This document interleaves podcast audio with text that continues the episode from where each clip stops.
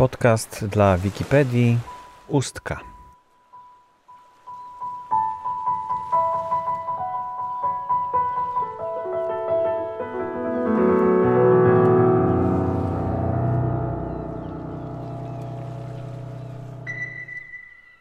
Marcin Barnowski, zasadniczo jestem przewodnikiem po Ustce i okolicy, ale także badam historię tego miejsca, także w archiwach. Ostatnio wróciłem z archiwów niemieckich, no i o Ustce mógłbym mówić godzinami, a ponieważ mamy tylko parę minut, jak rozumiem, e, to powiem tak. Bardzo ciekawa jest osada e, dawnych żeglarzy i rybaków, czyli to jądro Starej Ustki E, typowa owalnica, cały ten układ ulic jest pod ochroną konserwatorską, bo zachował się w sposób idealny. Oczywiście to nie są te same domy, to nie są te chałupy rybaków, y, które były niegdyś, ale y, parcele w zasadzie są tak samo usytuowane, bieg ulic jest taki sam.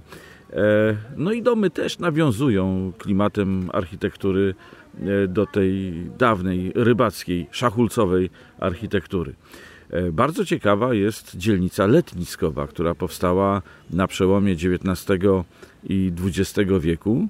E, ona się łączy też z promenadą. To jest ten sam moment, kiedy do Ustki zaczynają przyjeżdżać letnicy. Ci pierwsi przyjeżdżali jeszcze w pierwszej połowie XIX wieku. W zasadzie mam udokumentowanego pierwszego usteckiego letnika, to był Friedrich Ernst Schleiermacher, e, teolog, filozof, poeta niemiecki, który pracował jako kaznodzieja w kościele, dzisiaj to jest kościół świętego Jacka w Słupsku, no i jak był w Słupsku przeżył głęboki zawód miłosny, zakochał się w mężatce, ta mężatka dała mu kosza i tu właśnie w Ustce wiemy o tym z listów, które pisał. W 1803 roku pod koniec lipca szukał wytchnienia, szukał pociechy, próbował odpocząć po tych burzliwych, osobistych przeżyciach. No i wreszcie wydaje mi się, że to jest też bardzo ciekawy aspekt historii Ustki, aspekt wojskowy, aspekt militarny.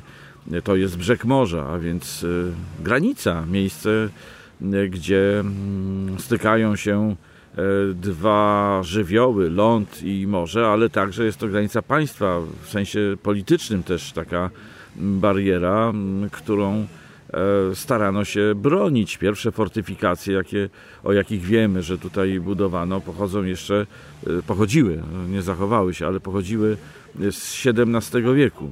To były takie specjalne zabezpieczenia, żeby do portu nie wpłynęły e, najezdnicze okręty. Potem wojna siedmioletnia, okupacja rosyjska, sporo szczegółów znamy z tej okupacji. Potem y, szaniec zbudowany w maju 1801 roku w miejscu, gdzie dzisiaj jest promenada.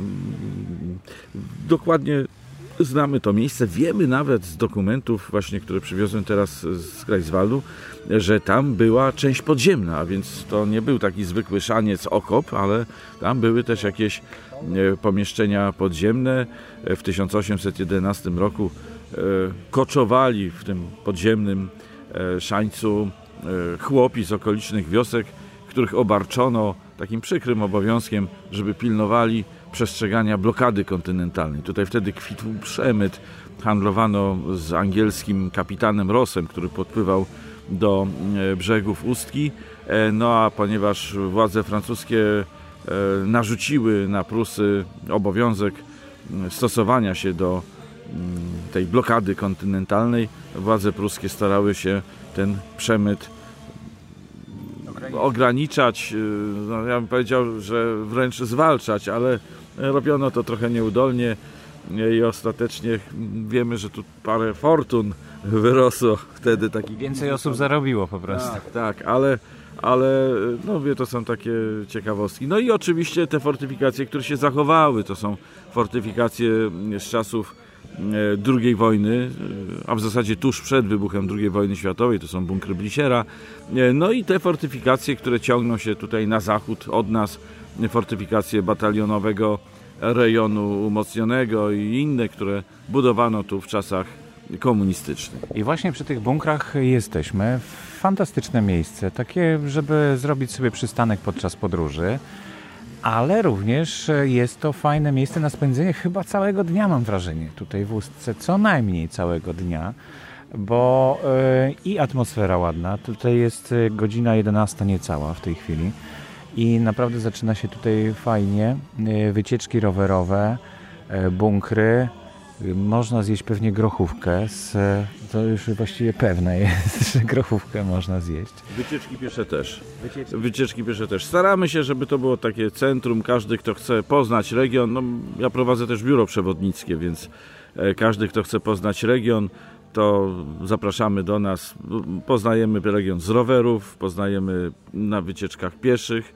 No i jeżeli ktoś chce pojechać gdzieś dalej, nawet Bytów, w te strony, czy, czy, czy Lęborg, czy Darłowo, bo to są przecież bardzo ciekawe mm, średniowieczne e, destynacje, jak to się teraz ładnie mówi, e, czyli bardzo ciekawe zamki jeszcze z genezą średniowieczną, to też zapraszamy, bo e, obsługujemy te, te grupy, które się tutaj do nas z takimi propozycjami, prośbami zgłoszą.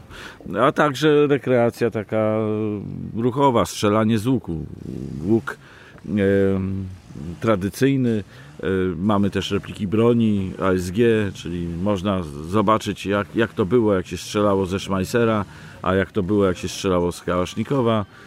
E, amerykańska broń też z czasów II wojny światowej. Oczywiście strzelamy tylko plastikowymi kuleczkami, więc to nie jest groźne. No i kuchnia polowa. Najstarsza nasza kuchnia polowa to jest dokładnie taka, e, w jakiej Gustlik utopił kucharza w czterech pancernych, tak? To, to właśnie o ta tutaj, ta e, po lewej stronie. Jeszcze z czasów II wojny światowej. E, Ustka to miejscowość wypoczynkowa, ale chyba nie tylko. Proszę nam powiedzieć troszeczkę, bo no, szczerze mówiąc, to my przyjeżdżamy tutaj jako turyści trochę. E, latem i widzimy no, dużo, dużo bardzo ludzi. Natomiast, e, natomiast e, ze spisu powszechnego w 2014 roku wynika, że tutaj jest 16 tysięcy ludzi mieszka. I to jest, zdaje się, tworzy ustka dwumiasto z Słupskiem, prawda? Proszę nam coś o tym opowiedzieć. Jak do tego doszło? Jaki jest rozwój miasta i jak to wygląda? Ludność Ustki, z tego co widzę, niestety maleje, ale to wynika bardziej e, z tego, że mieszkańcy Ustki budują się na terenach e, należących do gminy Ustka albo do gminy Słupsk. Po prostu budują się poza granicami Ustki, dlatego formalnie lista, liczba mieszkańców maleje. Natomiast jeśli chodzi o związki ze Słupskiem, one były od zawsze. No tak naprawdę to przez Słupsk Ustka do dziś ma problem z miejskością, bo tak do końca Ustka jest miastem, ale nigdy nie otrzymała nadania praw miejskich.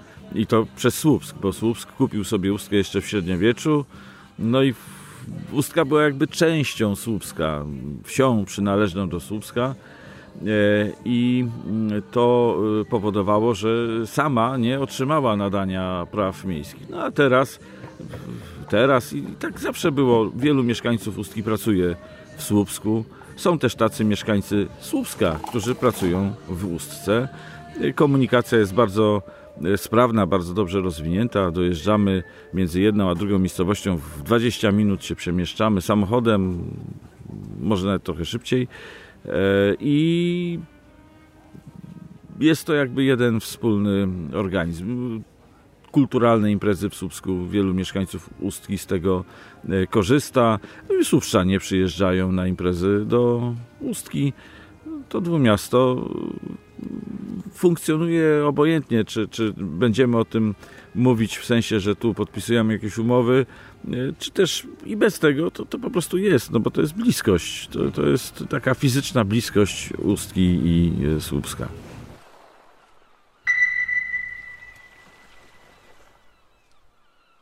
Więcej informacji na temat podcastów dla Wikipedii można znaleźć na stronie wikiradio.org.